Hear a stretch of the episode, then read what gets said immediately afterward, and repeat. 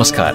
Radio थाहा संचार उनान्से दशमलव चार मेगा हर्ज काठमाडौँ थाहा संचार डट कम र थाहा संचार नेटवर्कका विभिन्न पार्टनर स्टेशन मार्फत हामीलाई सुनिरहनुभएका प्रिय श्रोताहरूलाई सुन्नेलाई सुनको मालाको नयाँ अङ्कमा हार्दिक स्वागत छ। कार्यक्रममा आज हामी युग पाठकले लेख्नु भएको उपन्यास उर्गेनको घोडा शुरू गर्दैछौ। युग पाठक अखबारी लेखन मार्फत पनि प्रसिद्ध हुनुहुन्छ। उर्गेनको घोडा माओवादी जनयुद्धलाई आधार बनाएर लेखिएका सीमित कृतिहरूमध्येको एक हो। हामी आशा गर्छौ यो उपन्यास र हाम्रो प्रस्तुति चाखलाग्दो हुनेछ। सुन्नेलाई सुनको मालामा प्रस्तुत छ उपन्यास उर्गेनको घोडाको पहिलो अङ्क।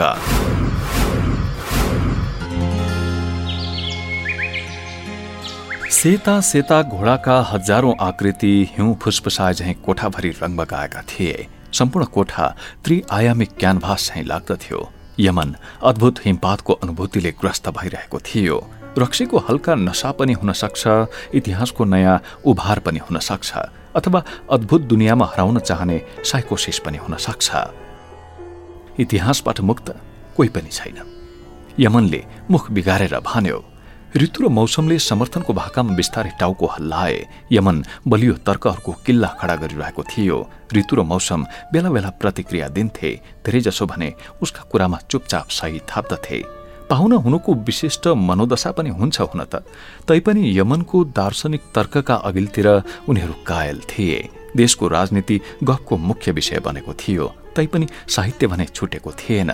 उनीहरू इतिहासको लेखाजोखा गर्दै थिए। इतिहासको यस घडीमा रहस्यमय भूकम्प चलिरहेको तथ्यलाई तिनैजनाले स्वीकारेपछि कुरा सुरु भएको थियो। म पनि मान्छु इतिहास बदलिँदैछ र हामी पनि चाहेर नचाहेर बदलिँदैछौ। पारदर्शी सिसाका गिलासमा रक्सी हाल्दै मौसम बोल्यो। यस्तो निष्कर्ष निकाल्न उसले केही वर्ष यता देशमा भएका उथलपुथल र दैनिक जीवनको रुटिन समेत खलबलिएको तथ्यलाई केही बेर मस्तिष्कमा खेलाएको थियो। शहरको एकमात्र दैनिक पत्रिका सुमेरु पोस्टको सम्पादक यमन विद्रोहीको निम्तो मान्न सुमेरुको साहित्य धानेर बसेका ऋतु रञ्जन र मौसम श्रेष्ठ शहरको सस्तो तर लोकप्रिय छहारी होटल छेरेको एक घण्टा भइसकेको थियो। लोकल रक्सीको रङ तिनैजनाको आँखामा चढिसकेको थियो। यमन अक्सर लोकल पत्रिका र लोकल रक्सीको अन्तरङ्ग सम्बन्ध हुन्छ भन्थ्यो। कविजीहरू यमनको यो विचारलाई विशेष महत्व दिन्थे। लोकल पत्रकारितामा पाइला राख्न साथ यमनले लोकललाई मोफसल भन्न सिकेको थियो। मोफसलको पत्रकारिता र मोफसलको साहित्य कैयौं गोष्ठीका विषय बनिसकेका थिए। त्यसैले मोफसल शब्दले उनीहरूलाई खास किसिमको लघुता बोधसँगै विशिष्ट महत्व बोध समेत गराउँथ्यो। सुमेरु सहर अँध्यारोको वर्षामा नुहाउने तर्खर गर्दै थियो। कर्फ्यूको तरङ्गले हरपल सबैको मनलाई तरङ्गित गरिरहेको हुन्थ्यो। त्यसमाथि पनि आकाशबाट अँध्यारो खस्न थालेपछि कर्फ्यूले अनिवार्य आतंक जस्तो बनेर हरेक हृदयको स्पन्दन बढाउँथ्यो। उनीहरू रक्सीको मातमा मस्त थिए तर कर्फ्यू आतंक रक्सीको मातलाई समेत जित्ने सामर्थ्य राख्दथ्यो। कर्फ्यूले सहरलाई निल्दैछ भन्ने अनुभूति कुनै राक्षसले बालकलाई निलिरहे जस्तो गरी उनीहरूको अन्तर्मनमा पसिसकेको थियो।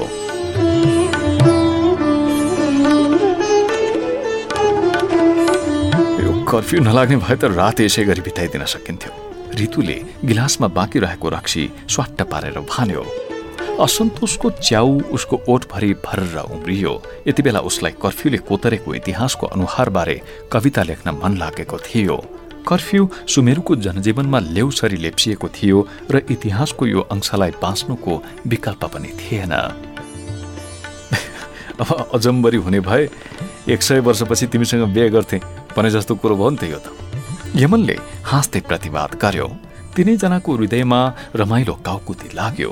उनीहरू कर्फ्यूको विस्तीर्ण आतंकलाई चिर्दै जोड जोडले हाँसे। हाँसोको तालमा यमनले टेबलमा सतर्क बसेको रक्सीको गिलास ढाल्यो।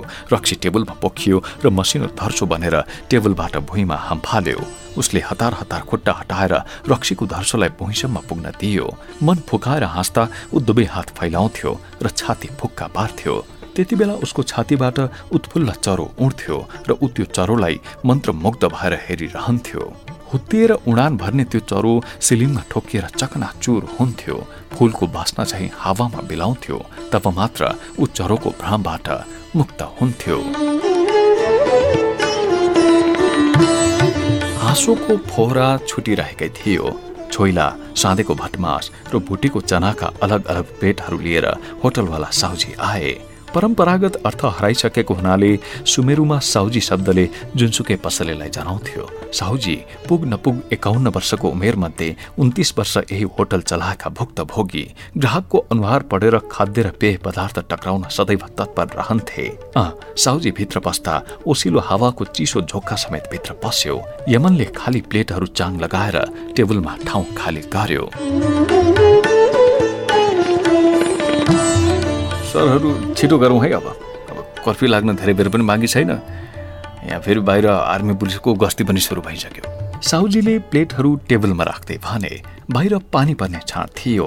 कालो बादल रातको अन्धकारमा भूमिगत शैलीले बर्सिन लागेको थियो। हावाका चिसा लप्का घुम्दै फिर्दै उनीहरूलाई सुमसुम्याउन आइपुग्थे। हुन्छ हुन्छ दाइ हुन्छ। अब हामी छिटै निस्किँदैछौँ। यमनले साउजीलाई विश्वास दिलायो। ऋतुले चाहिँ नाडी उचालेर खडी हेर्यो हतारिए झैँ हात झट्कार्यो र एक टुक्रा छोइला सिन्कोले घोचेर मुखमा पुर्यायो। मौसम पनि केही अस्थिर जस्तो देखियो। पेगमा बाँकी रहेको रक्सी एकै सासमा पियो र मुख बिगारेर ख्वाङ ख्वाङ खोक्न लाग्यो। यमन भने निश्चिन्त देखिन्थ्यो। उसले जेका लागि सुमेरुका चर्चित साहित्यकार द्वयलाई बोलाएको थियो त्यो आश्चर्यजनक घटना झैँ हुनेवाला थियो। परिस्थितिको आकलन गरिसकेको हुनाले ऊ उपयुक्त समय कुरिरहेको थियो। ऋतुले फेरि घडी हेर्यो होइन यो घडी आतंकले तपाईँले नराम्रोसँग लपेट्यो। होइन त कविजी? यमनले ऋतुको अस्थिर मनोदशालाई लक्ष्य गर्दै सोध्यो। खै यो घडी आतंक हो कि समय आतंक? यमनजी? ऋतुले अधैर्य छातीलाई थामथुम थामथुम पार्दै प्रति प्रश्न गर्यो। अब भनौँ भने मौसमले मुख खोल्यो। यो समय स्वयं बेला बेला डरलाग्दो मुखौरो लगाएर निस्किन्छ। अब मुखौरो मात्र हो भनेर निश्चिन्त हुन पनि सकिन्न हेर्नुहोस्। किनभने सङ्कट कालमा त मुखौरोले समेत भोग खान खोज्छ। मौसम र ऋतुले थप नयाँ पेगका निम्ति चेयर्स गरे।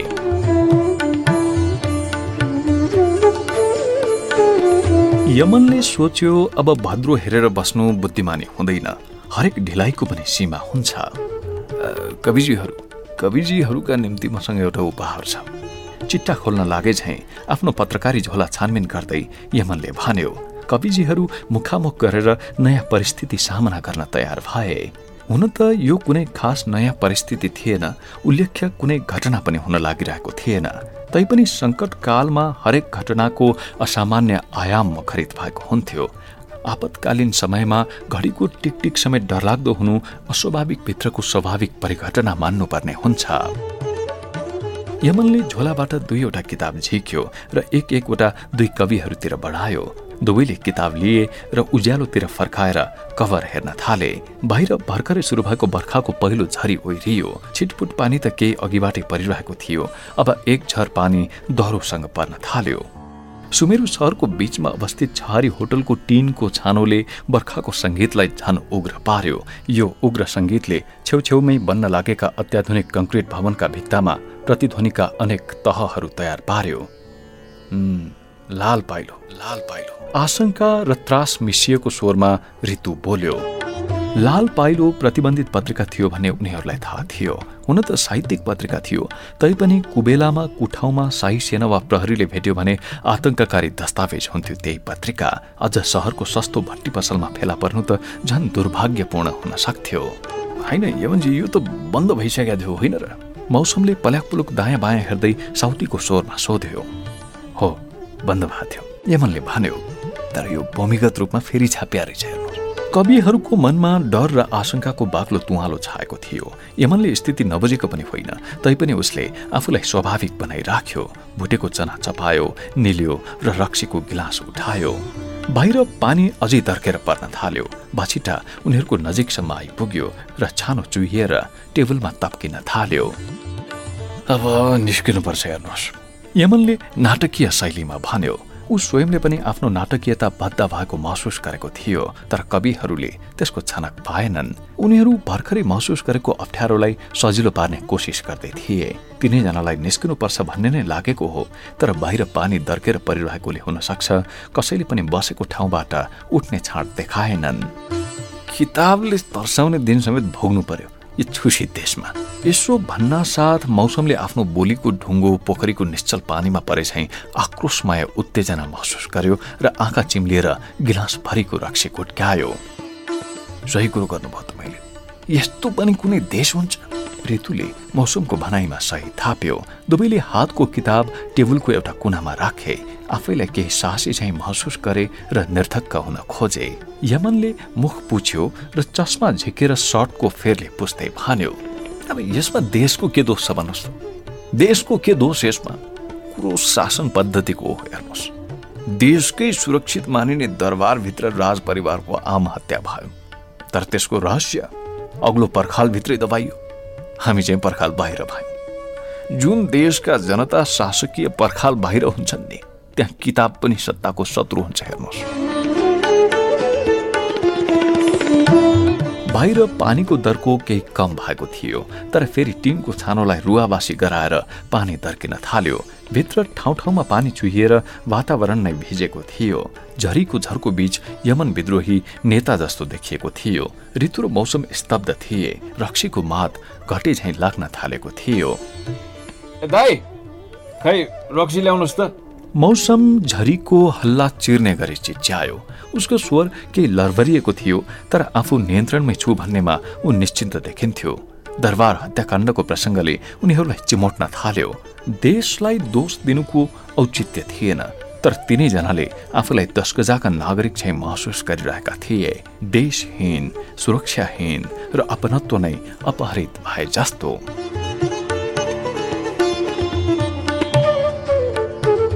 तर हामीलाई कसले छेक्न सक्छ ल भन्नुहोस्। कसले छेक्न सक्छ? टेलिफोन लाइन काट्न सक्छन् प्रेसर कुकर किन्न प्रतिबन्ध लगाउन सक्छन् तर किताब पढ्न हामीलाई हेर्नुहोस् कुनै सत्ताको प्रतिबन्धले रोक्न सक्दैन। बुझ्नुभयो? यमनले उत्तेजित व्याख्यान दियो गम्भीरता वातावरणमा फैलियो। त्यही बेला साउजी रक्सीको बोतल बोकेर आए र पुनः कर्फ्यूको समय सम्झाएर गए। ऋतुले फेरि घडी हेर्यो आठ बजेर चालिस मिनट गएको थियो। कर्फ्यू लाग्न बिस मिनट अझै बाँकी थियो। अब तपाईँहरूलाई मेरो विशेष अनुरोध चाहिँ के भने यो किताबमा एउटा उपन्यासको पहिलो भाग छापिएको छ हेर्नुहोस्। कृपया त्यो पढ्नुहोला। गुलाबका हाँगाबाट साहित्य माटोमा झर्न जरुरी छ हेर्नुहोस्। साहित्य भनेको प्रतिरोध पनि हो। यमनले पुनः किताब सम्झायो। उनीहरूको अनुहारमा निस्केको भावलाई छोप्दै झ्याप्प बिजुली गयो। अँध्यारोले एकै झट्कामा समयको याद दिलायो। लालटिन बालेर साउजी नपसिन्जेल उनीहरूले अँध्यारैमा साहित्यको चर्चा गरे। ऋतुले छोइला चपाउँदै किताब उठायो र विषय सूची पल्टाएर हेर्न थाल्यो। मौसमले पनि किताबको पन्ना पल्टायो। उनीहरूको अनुहारमा यति बेला कुनै त्रासको चित्र थिएन। बाहिर पानी तर्किरहेकै थियो र कर्फ्यूको याद दिलाउन सडकमा ओर्लने बन्दुकधारी झरीमा ननिस्किने सम्भावना बलियो थियो। त्यसमाथि बिजुली गएपछि सुरक्षाकर्मीहरू सहरसित डराउँथे सडकका हरेक कुनासित डराउँथे। के रहेछ यो उपन्यासको नाम चाहिँ? मौसमले लाल पाइलोभित्र उपन्यास अंश फेला पार्न सकेको थिएन। लालटिनको उज्यालोमा उसको अधवैंशी उमेर निधारमा लागेको पुरानो खतमा एकत्रित भएको थियो। चस्माले समेत उसलाई साथ दिएको थिएन। ऊ चस्माको तल्लो भागमा रहेको गोलाकार पावरबाट किताबका अक्षर खुट्याउने प्रयत्न गर्दै थियो। ल ल फेला पारे मैले। ऋतुले हराएको औँठी फेला पारे झैँ उल्लासपूर्ण स्वरमा भन्यो उपन्यास भनेपछि उनीहरू उत्सुक थिए। अझ भूमिगत साहित्यिक म्यागजिनमा छापिएको भूमिगत उपन्यासले देशमा भइरहेको उथल पुथलको झलक पस्केला भन्ने अपेक्षा दुवैको मनमा थियो। भेटियो? के रहेछ? मौसमले सोध्यो। यमनलाई थाहा थियो तर ऊ उत्सुकता र बेकुलताले ओतप्रोत यो दृश्य हेरेर चुपचाप मनोरञ्जित भइरह्यो। उर्गेनको घोडा। उर्गेनको घोडा। ऋतुले हरेक शब्दमा जोड दिएर भन्यो।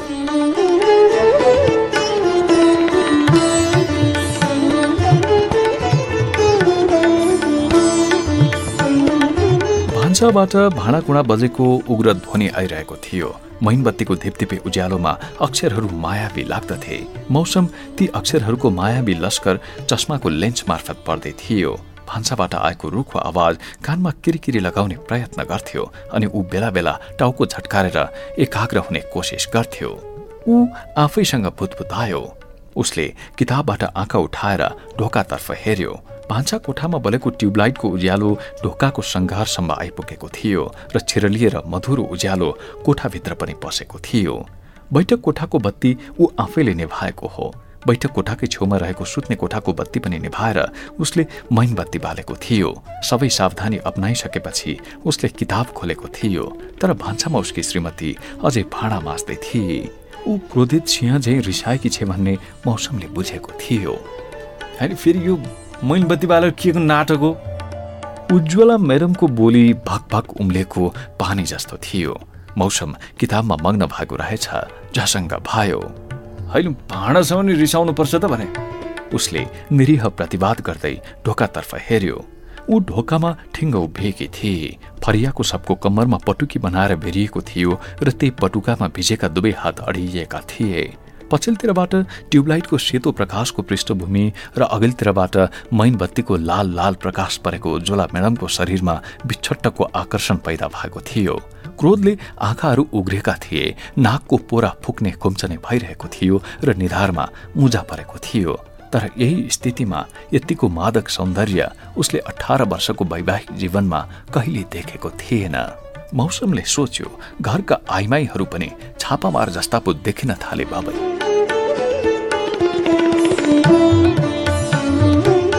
भर्खरै पढेको उपन्यासले उसको मनको जाँतो घुमाइरहेको थियो।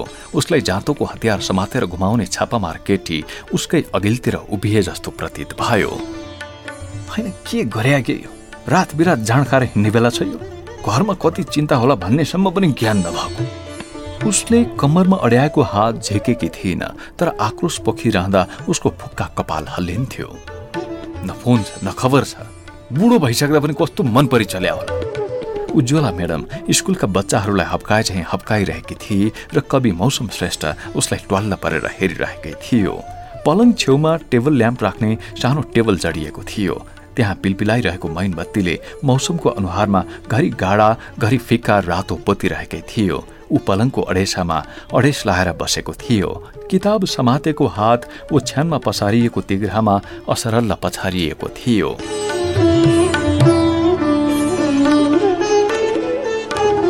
हो के? भयो त नि अब। मौसमले आफूभित्रको पुरुष जागृत भए झैँ झट्का लागेपछि भन्यो अब यो झर्को भर्को बन्द गरेर कहिले काहीँ हुन्छ नि त त्यस्तो। सबै कुरा आफ्नै नियन्त्रणमा हुन्छन्। सबै कुरा आफ्नै नियन्त्रणमा हुन्छन्। आई मैले त्यसै गरे भए चाहिँ के हुन्थ्यो नि? ए साहित्यमा मात्रै रहेछ नि। नारी स्वतन्त्रता के के जाति हो? व्यवहारमा त त्यस्तै रहेछ क्यारे। उज्वलाको हृदयमा जागेको राको नेभिसकेको थिएन। मौसम नराम्रोसँग चिथोरियो। उसको साहित्यिक व्यक्तित्वमाथि प्रश्न उठेको थियो। उपलङको अडेसबाट ढाड उठाएर सोझो भयो। रिसाएको थियो तर आफूलाई नियन्त्रण गर्ने प्रयास गर्न थाल्यो। भयो के भने? चुप्लाएर सुत तिमी। कुरा नगर। भन्ने बित्तिकै तुलनामा जोखिया जस्तो बराबरी हुन्छ। पुरै समाज व्यवस्थाको कुरा हो। मसँग बमकेर हुन्छ। लड्नुपर्छ समाज पुरै बदल्ने लडाइँ। करार पाइन्छ अधिकार। मौसमले अलि दार्शनिक पारामा प्रतिवाद गर्न खोजेको थियो। यो जवाफमा भर्खरै पढेको उपन्यासको प्रभाव पनि थियो। घरबार छाडेर पहिचान र आत्मसम्मान जित्न हिँडेकी छापामार केटीको कहानी थियो त्यो। उज्वला म्याडमको चित्तमा अझै चिसो पानी परिसकेको थिएन। उसले जवाफ तयार राखेकी थिए। लड्दैछन् लड्दैछन्। लडाइँ महिलाहरू पनि लडिरहेछन् र उनीहरूको लडाइँमा हाम्रो पनि हक लाग्छ। र उनीहरूको लडाइँमा हाम्रो पनि हक लाग्छ। खासमा उज्वला म्याडम दिउँसैदेखि तनावमा थिए। एक त स्कुल टाढा सुमेरु सहरको परिधिभन्दा बाहिर आधा घन्टा पहाड उक्लेर स्कुल पढाउन जान्थे। घरबाट स्कुल पुग्ने एक घन्टा लाग्थ्यो। त्यसमाथि आज दिनभर स्कुलमा वार्षिकोत्सव कार्यक्रम थियो। केटाकेटीका अघि पछि कुद्दा कुद्दै थकाइले चुर भएकी थिए। घरमा गएर समयमै आराम गर्ने मन थियो। घरको काम आज कवि मौसमलाई जिम्मा लगाउने विचार पनि थियो। तर घरको काम सघाउने त कुरै छोडौँ। कविजी कर्फ्यू लागेपछि मात्रै झुल्किए त्यो पनि रक्सीले चुर। त्यसै त्यसै दिमाग तातेर आएको थियो। सुत्ने बेला सुसे धन्दा आइपर्यो त्यसमा पनि श्रीमानजीलाई कुनै महसुस नै छैन।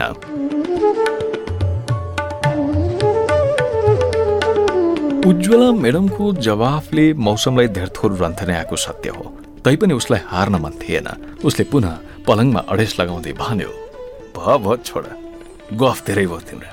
को कहाँ लड्दैछ थाहा पत्तो छैन। बन्दुकको तौल कति हुन्छ भन्ने समेत थाहा नहुनेले लडाइँको कुरा गरेको चाहिँ सुहाउँदैन लडाइँको कुरा गरेको चाहिँ सुहाउँदैन हामीलाई पनि थाहा छ को कहाँ लड्दैछ। त्यत्रो जनयुद्ध लोग्ने मान्छेले मात्रै हाँक्या छन्। हामी पनि पढ्छौँ पत्र पत्रिका बरु लोग्ने मान्छेभन्दा आइमाई नै बढी बलिदानी र इमान्दार छन् रे। हामीले पनि भेट्या छौँ क्रान्तिकारी। हामीले नि महिनाको एक दिनको तलब पठाएछौँ हाम्रो नि पसिना परेछ लडाइँमा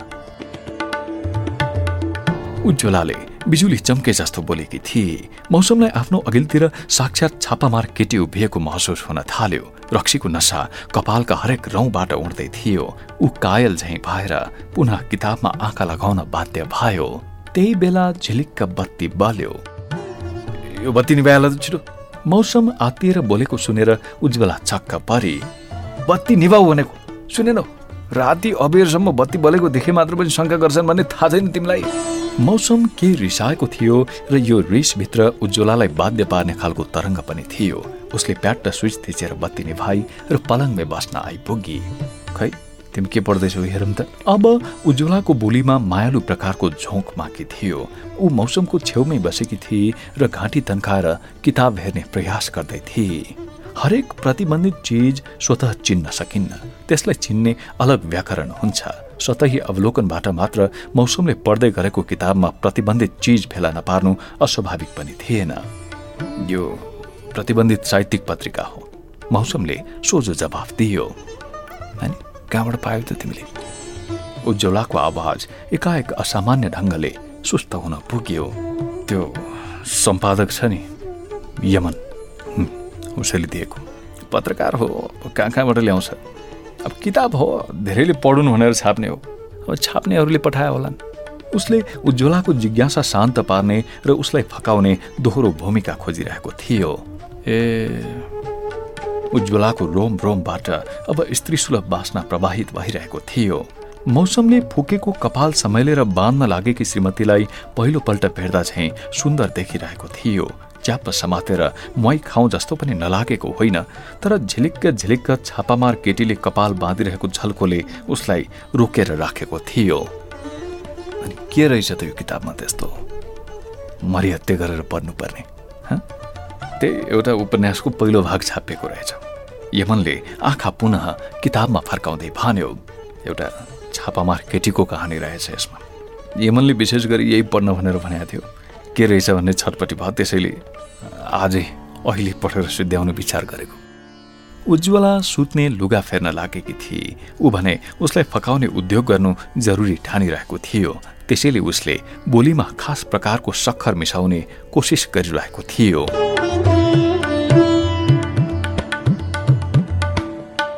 उज्जवला हलुका भएर नजिकै आएर बसी। उसलाई लाग्यो कुनै रङ्गीन चरी हावामा तैरिँदै आएर उसैको छेउ बसेकी छे।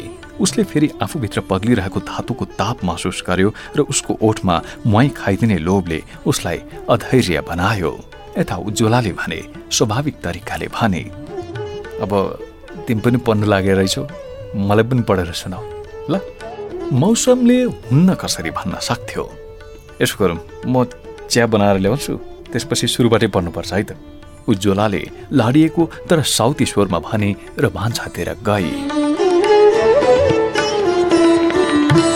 मौसमले अल्मलिने विषय नभए झैँ फुर्सद पायो। किताब पढ्न पनि उज्जवलालाई पर्खिनुपर्ने थियो। केही बेरदेखि रोकिएको झरी बाहिर पुनः झम्कन थालेको थियो। झरीको आवाज र भिजेको माटोको गन्ध महसुस गर्ने फुर्सद पनि उसलाई मिल्यो। उसले झ्यालको पर्दा थोरै उठाएर बाहिर हेर्यो। सैनिकको हरियो गाडी सडक बत्तीको फोकसबाट बिस्तारै घस्रँदै अँध्यारोतिर पस्यो। त्यहाँ पानीका चम्किला थोपा चम्किएको दृश्य मात्र बाँकी रह्यो। सडकमा सन्नाटा पसारिएको थियो। कुकुर भुकेको आवाज बेला बेला सुनिन्थ्यो। कहिलेकाहीँ चमेराको फटफट आवाज र कहिले बन्दुक पड्केको ठ्याङ ठ्याङ आवाज सन्नाटा बिथोलेर आइपुग्थ्यो। क्रान्तिकारी आक्रमणको डर सदैव हुन्थ्यो। त्यसैले सेन्ट्री बसेका सिपाहीहरूलाई रातभर गोली पड्काइरहने आदेश हुन्थ्यो। सुमेरुवासीले यो कुरा बुझेका थिए। त्यसैले गोला बारुदको विस्फोट नेपथ्यमा गुन्जिरहन्थ्यो तैपनि उनीहरू निधाउँदथे। त्यस्तो बानी नै परिसकेको थियो। सशस्त्र प्रहरीको ब्यारेक सहरभित्रै थियो। त्यसैले त्यहाँबाट चलेको गोलीले आफ्नै बिछौनामा मस्त निधाइरहेको मान्छेको इहलीला समाप्त गरिदिएको घटना समेत सुमेरुवासीले भुलेका थिएनन्। तर त्यस्ता भयानक सम्झनाका बावजुद दैनन्दिन स्वाभाविक जस्तो लाग्थ्यो। ल समात लिफ्च्या झ्यालबाट बाहिर हेरिरहेको मौसम उज्वलाको बोलाहट सुनेर ओछ्यानमा आयो। उनीहरूले हातमा चियाको गिलास लिए। केही बेर दुवैजना मौन भए। सुरुप्प सुरुप्प चिया पिएको आवाज केही बेर झरीको धुनमा मिसियो। पलङको डिलमा मैनबत्ती अझै बलिरहेको थियो। आधा छुट्टिसकेको थियो र उज्यालो बाँडेर पुरै सिद्धिन तयार थियो। खै पढ्ने होइन? उज्वला अधैर्य भएकी थिए। दायाँ हातमा चिया र बायाँ हातमा किताब लिएर मौसम तयार भयो। तथापि चिया पिइसकेपछि मात्र मौसमले पढ्न सुरु गर्यो।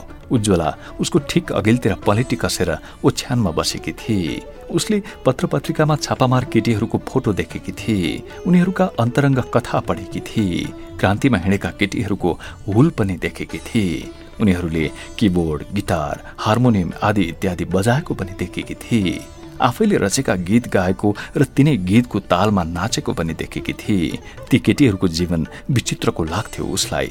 कता कता चरा जस्तो स्वतन्त्र र फुक्का जीवनको त्यो ढङ्गले उसलाई पनि तान्दथ्यो आफ्नो अनुभवको संसार र उपन्यासको संसारको तुलना गर्न ऊ आतुर देखिन्थे। उसले मनमनै शीर्षक पढे उर्गेनको घोडा। घोडाको कथा हो कि छापामार केटीको? ऊ सोध्न चाहन्थे तर मौसम पढ्न थालिसकेको थियो। फेरि मुसलधारी पानी पर्यो र वर्षाको पार्श्व सङ्गीत कर्फ्यू तोडेर गुन्जियो।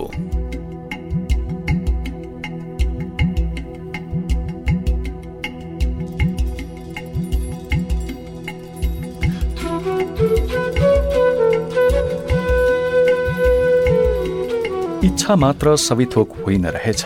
इच्छा र अनिच्छा आपसमा घुलमेल भइरहँदा रहेछन्। इच्छा अनुरूप आफू र आफू वरिपरिको संसार बदल्न हिँडेकी मेहेन्दोले अनिच्छापूर्वक यात्रा स्थगन गर्नुपर्ने दिन नजिकै आइसकेको थियो।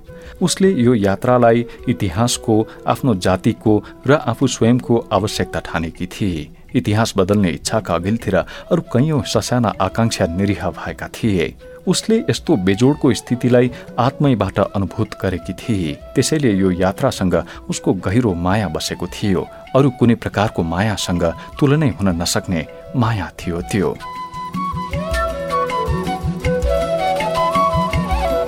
उसले फेरि कोसिस गरी अह कम्ब्याक्ट पाइन्ट उसको कम्मरमा ठिक भइरहेको थिएन।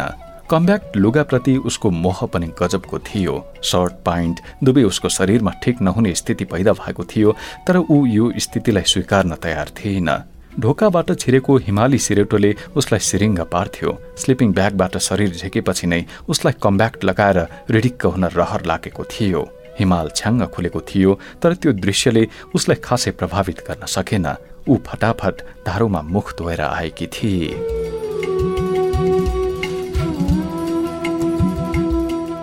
दिदी अब कमब्याक कहाँ फिट हुन्छ त तपाईँलाई? पल्लवीको टिप्पणीले मेहेन्दोलाई झस्कायो। ऊ ढोकामा उभिएर हाँसिरहेकी थिए। हिमालमा ठोकिएर सिधै त्यही ढोकामा आइपुगेको सुनौलो उज्यालोले पल्लवीको हल्का कालो अनुहारमा बुट्टा बनाएको थियो बिहानीको ताजा सौन्दर्य समेत उसका ठुल्ठुला सुन्दर आँखामा ढलपल ढलपल गर्दै थियो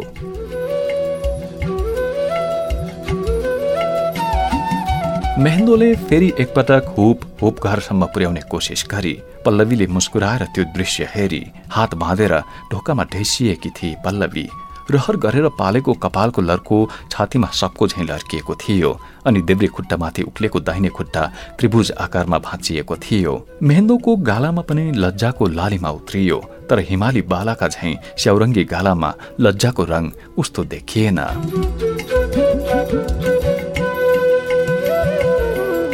हिमालको काकै काक सेल्टर बदल्दै उनीहरूले करिब एक महिना बिताएका थिए। मध्य पहाडकी तामाङ्नेका गालामा हिमालले छिट्टै आफ्नो रङ छेप्यो र ऊ काटीकुटी हिमाली युवती जस्तै देखिएकी थिए। मङ्गोलियन आँखा चाक्लो बाक्लो गुलाबी स्याउझै गाला विशिष्ट मङ्गोलियन छाँटको मोटो नाक र सल्लोका सुरिला पातहरूको झुप्प झैँ सलक्क लामो कपाल। अझ कम्ब्याक्टमा त ऊ प्राग ऐतिहासिक मङ्गोलियन सुन्दरी झैँ देखिन्थे।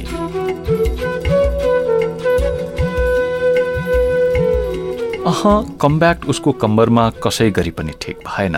तन्काएर लैजाँदा पनि हुप र हुप घरको दूरी तीन अम्बल बाँकी भयो। ऊ हार खाई। आफ्नो ताल अलि उत्ताउलो भयो कि भन्ने शङ्काले उसलाई लज्जित गराएको थियो तर कमब्याक ठिक नहुने निश्चित भएपछि उसलाई रिस उठ्न थाल्यो। मनको कुनै अंशमा पराजय जस्तो अनुभूति पलायो। अह उसलाई पटक्कै चित्त बुझेन।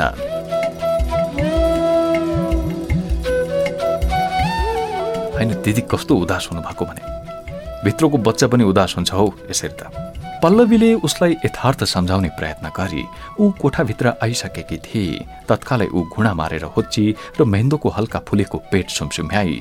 मेहेन्दो भन्दा ऊ अलिकति मात्र अग्ली थिए तर उसको छाँटले पातलिएको ज्यानको तुलनामा चौडा ज्यानकी मेहेन्दो निकै होची देखिन्थे। मेहेन्दोका मङ्गोलियन आँखामा आँसुका टल्कने थोपा उम्रिए र साङ्गुरिएर तन्किएका दुई किनारबाट तप्कन ठिक्क परे। सुन्नु त दिदी बच्चा खेल्दैछ अहिले। यो छोरा होला कि छोरी है? पल्लवीले मेहेन्दोको फुलेको पेटमा कान थापेर भने यति बेला ऊ हाँगामा फुत्रुक फुत्रुक उफ्रने जुरेली झैँ चञ्चल भएकी थिए। मेहेन्दोले लगाइराखेको कलेजी रङको हाइनेक र ट्राउजर सेटमा कम्पन पैदा भयो। उसले लगाइसकेको कम्ब्याक्ट सर्टका तल्ला टाक समेत टाक घरसम्म पुग्न नसकेर अलपत्र परेका थिए। पल्लवीलाई ती टाक देखेर हाँसो उठ्यो तर परिस्थितिमा लागेको तुहालोले उसलाई न हाँस्न दियो न त बोल्न नै। चिसो सिरेटोले उनीहरू दुवैको कपालका रेसा रेसा हल्लायो। मेहेन्दोले कम्ब्याक्ट सर्ट पाइन्ट दुवै फुकालेर भुइँमा राखी र निला फूल फुलेको हलुका कुर्ता सुरुवालले कलेजी रङको हाइनेक सेट छोपी। ज्याकेट लगाउन पल्लवीले मद्दत गरी यति बेला पल्लवी प्रफुल्लित थिए। गर्भवती महिलाको आकर्षणले हरेक युवतीलाई यसै गरी आकर्षित तुल्याउँछ कि कुन्नी? हुन त मेहेन्दो जुन प्लाटुनमा कमान्डर थिए ऊ त्यसैको सदस्य थिए तर उनीहरूको त्यो सम्बन्ध बडो औपचारिक थियो। जीवन मरणको दोसाँधमा बाँचिरहेका छापामार बीच भावनात्मक सम्बन्ध भने कुनै पनि औपचारिक सम्बन्ध भन्दा उँचो हुन्थ्यो। उनीहरू बहुसांस्कृतिक संसारका अजीब दिदीबहिनी जस्ता देखिन्थे। मेहेन्दोको गर्भिणी शरीरलाई सुम्सिमाउँदा पल्लवीलाई बेग्लै खुसीले घमलङ्ग छोप्थ्यो। उसले मेहेन्दोको गर्भवती सौन्दर्यलाई नजिकबाट निहालिरहेकी थिए मेहेन्दोलाई युद्ध मैदान छोड्न मन थिएन त्यो पल्लवी बुझ्थे। कुशल योद्धा थिए मेहेन्दो। कुनै अज्ञात प्रेरणाले उसलाई युद्धका हरेक मोर्चामा आश्चर्यजनक युद्ध कला प्रस्तुत गर्न सक्षम बनाउँदथ्यो। सदैव लडाईँको अघिल्लो मोर्चामा हुन्थे मेहेन्दो। जनसेनामा दुश्मनको सातो उडाउने कमान्डरको रूपमा ऊ चर्चित थिए। सधैँ एसल्ट ग्रुपमा पर्थे अनि कमान्डरहरू विशेष टास्क फोर्समा पनि उसैलाई छान्दथे।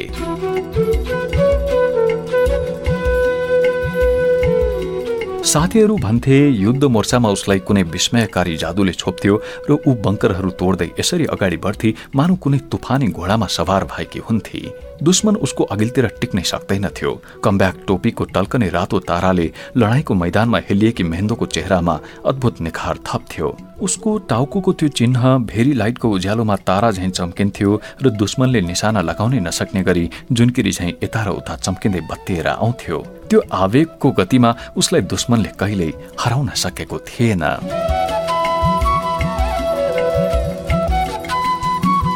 उमेरको हिसाबले पनि मेहेन्दो र पल्लवीमा खास भिन्नता थिएन। बिस काटेका तर पच्चिस नकाटेका तरुणीहरू उस्तो फरक देखिँदैनन्। तैपनि मेहेन्दो पुग नपुग एक वर्षले जेठी थिए। क्रान्तिमा हिँडेको अवधि हिसाब गर्ने हो भने पनि मेहेन्दो करिब एकै वर्षले जेठी थिए। भूमिगत जीवनका अनेक प्रसङ्गले उनीहरूलाई जोडेका थिए। राजनैतिक चेतनाको मिहिन धागोले पनि उनीहरू कसिएका थिए। एउटै उद्देश्य र गन्तव्यको वाचा बन्धनले पनि उनीहरू बाँधिएका थिए। एउटी सुदूर पूर्वेली तराईमा हुर्केकी बाहुनकी छोरी र अर्की मध्य पहाडको अग्लो टाकुरामा बढेकी तामाङ्ने नत्र कसरी पश्चिमी हिमालको फेदमा सुख दुःखका एकै खाले कथा निर्माण गरिरहेका हुन्थे। क्रान्तिकारी हुनुको विशिष्ट अस्तित्व बोधले उनीहरूलाई गाँसेको थियो छापामार हुनुको तरङ्गपूर्ण सियोले उनीहरूलाई आपसमा सिएको थियो।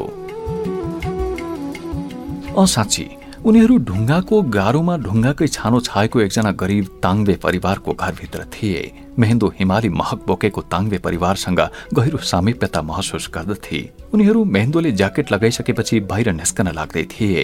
ताङ्बेनी दिदी सबेरै घरधन्दाको सिलसिलामा बाहिर निस्केकी थिइन् कता गइन् उनीहरूलाई थाहा थिएन। दुई ससाना नानीहरू अगेनाको छेउको कुनामा ओछ्याइएको राडीको ओछ्यानमा भर्खरै उठेर बसेका थिए। सपनाबाट बिउजनका निम्ति आँखा मिच्दै थिए। ताङ्वे दाई सदरमुकाम गएको दुई दिन भएको थियो।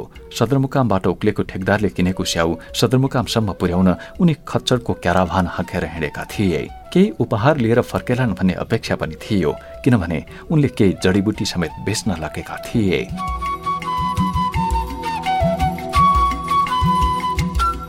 हिमाल त बडो मिठासपूर्ण हाँसो रचना गरेर निलो आकाशसँग भलाकुसारी गर्दै रहेछ।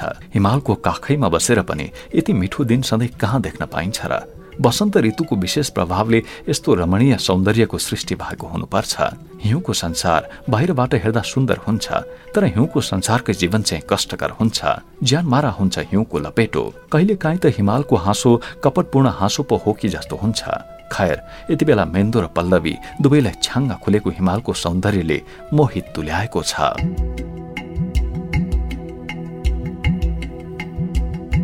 यो जनयुद्ध नभएको भए त म यहाँ कहिले आउने नै थिएन होला। है दिदी? पल्लवीले फुरुङ्ग हुँदै यसो भन्दा मेहेन्दो हिमालको खुलेको अनुहारमा केही खोज्दै थिए। कमब्याक प्रसङ्गले उसलाई केही हदसम्म गम्भीर तुल्याएको थियो। ऊ त्यो मनस्थितिबाट बाहिर निस्केकै थिएन। पल्लवीको मनमा तराईको धान झुल्ने फाँट फैलिएको थियो अनि त्यहाँ लह लह धानका बाला हावाको तालमा हल्लिरहेका थिए। तर मेन्दोको मनमा भने कम्ब्याक्टको हरियो कालो रङ भुइँ कुहिरो चाहिँ थुम्का थुम्की ढाकेर फैलिरहेको थियो। आज साँच्चीकै राम्रोसँग हिमाल खुलेको रहेछ पल्लवी। मेहेन्दोले बल्ल मुख खोली। उनीहरू दुवै ढुङ्गा छापिएको पिँढीमा बसे। वरपरको वातावरणमा हरियाली थिएन मात्र चट्टानहरूले बनेको संसार थियो। पिँढीको ठिक अघिल्तिर सय मिटरको दूरीमा चट्टाने भित्तो थियो र त्यसैको एउटा चेपमा थियो पानीको धारो। धारोबाट झरिरहेको पानीको प्रवाहले एउटा गाग्रो भर्दै थियो र त्यो गाग्रो भरिने प्रतीक्षामा एउटी ताङ्गेनी महिला एकाग्र भएर बसेकी थिइन्। अलि पल्तिर थुम्का थाम्कीमा कालो खैरो रङका ढुङ्गिने पर्वत थिए र तिनमा बुट्यानको हरियो बुट्टा ठाउँ ठाउँमा कुदिए जस्तो देखिन्थ्यो हात बढाउँदा छोइएला जस्तो गरी हिमाल उनीहरूको अघिल्तिर सर्लक्क पसारिएको थियो तर हिमालका कैयौं चुचुरा र पाखा हिउँ नभएका काला खैरा टाटामा परिणत भएका थिए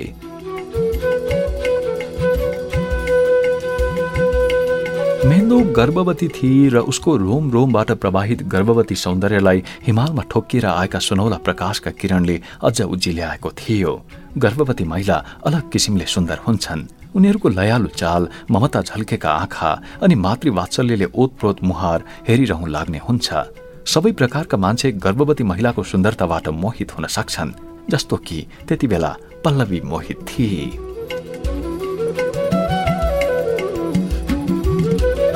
हिमाल मात्र हो र दिदी तपाईँ पनि कति राम्ररी देखिनु भएको छ आज। पल्लवीको प्रशंसाले मेहेन्दुलाई भित्र कतै काउकुती लाग्यो। पल्लवीले भने झैँ बच्चो गर्भभित्र खेलिरहे झैँ लाग्यो आमा भनेर बोलाइरहे झैँ लाग्यो अनि मातृवात्सल्यको अद्भुत अनुभूतिले ऊ पानी पानी हुन पुगी। तिमी त कस्तो जिस्किरहन्छौ नि पल्लवी। मेहेन्दोले प्यारले भिजेको लयमा सोधे यो सोधाइमा प्रश्न कम उत्तर ज्यादा थियो। हो नि दिदी। मलाई त बोलिराख्नुपर्छ हेर्नु न। बानी नै यस्तो लाग्यो। घरमा मलाई के भन्छन् सबैले थाहा छ। फटपटे यति भनेर पल्लवी फेरि खिचित्त हाँसी। उसको हलुका कालो तर हिसी परेको अनुहारमा सेतो दाँतको चम्किलो लहर टल्कियो र हराउन पुग्यो। फटपटे फटपटे भन्छन् तिमीलाई? मेहन्दो पनि हाँसी। तर मैले साँच्ची भनेको कि दिदी? तपाईँ आज एकदम राम्रो देखिनु भएको छ। त्यो के भन्छ? कोरियन फिल्मको हिरोनी जस्तै। मैले कोरियन फिल्म हेरेको छु नि दिदी। घरमा हुँदा दाइले टेप ल्याउनुहुन्थ्यो कि। पल्लवीले थपी। अब यो राम्रो नराम्रो पनि हेर्ने मान्छेको कुरा हो पल्लवी। मेहेन्दोले पर क्षितिजतिर टल्किरहेको बादलको हुललाई हेर्दै भानी। मान्छेको कुरा पनि हो अनि मनको कुरा पनि हो दिदी। पल्लवीले दार्शनिक अन्दाजमा भानी। अब मन रमाइलो भए सबै राम्रो नरमाइलो भए संसारको सबैभन्दा राम्रो कुरा पनि नराम्रो हुन्छ दिदी।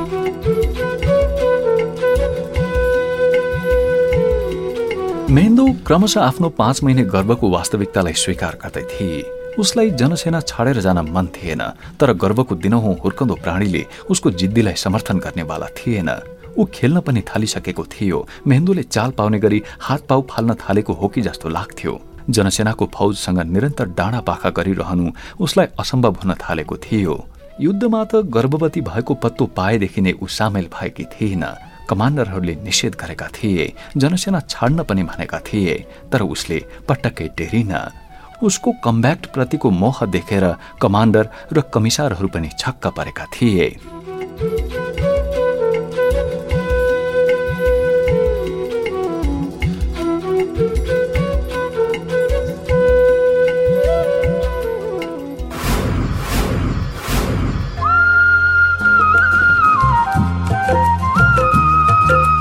उपन्यास उर्गेनको घोडाको पहिलो अङ्क यही सकिन्छ।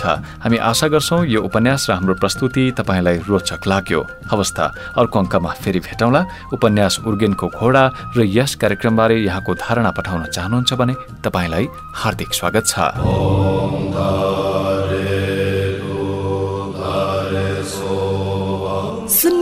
सुनको माला।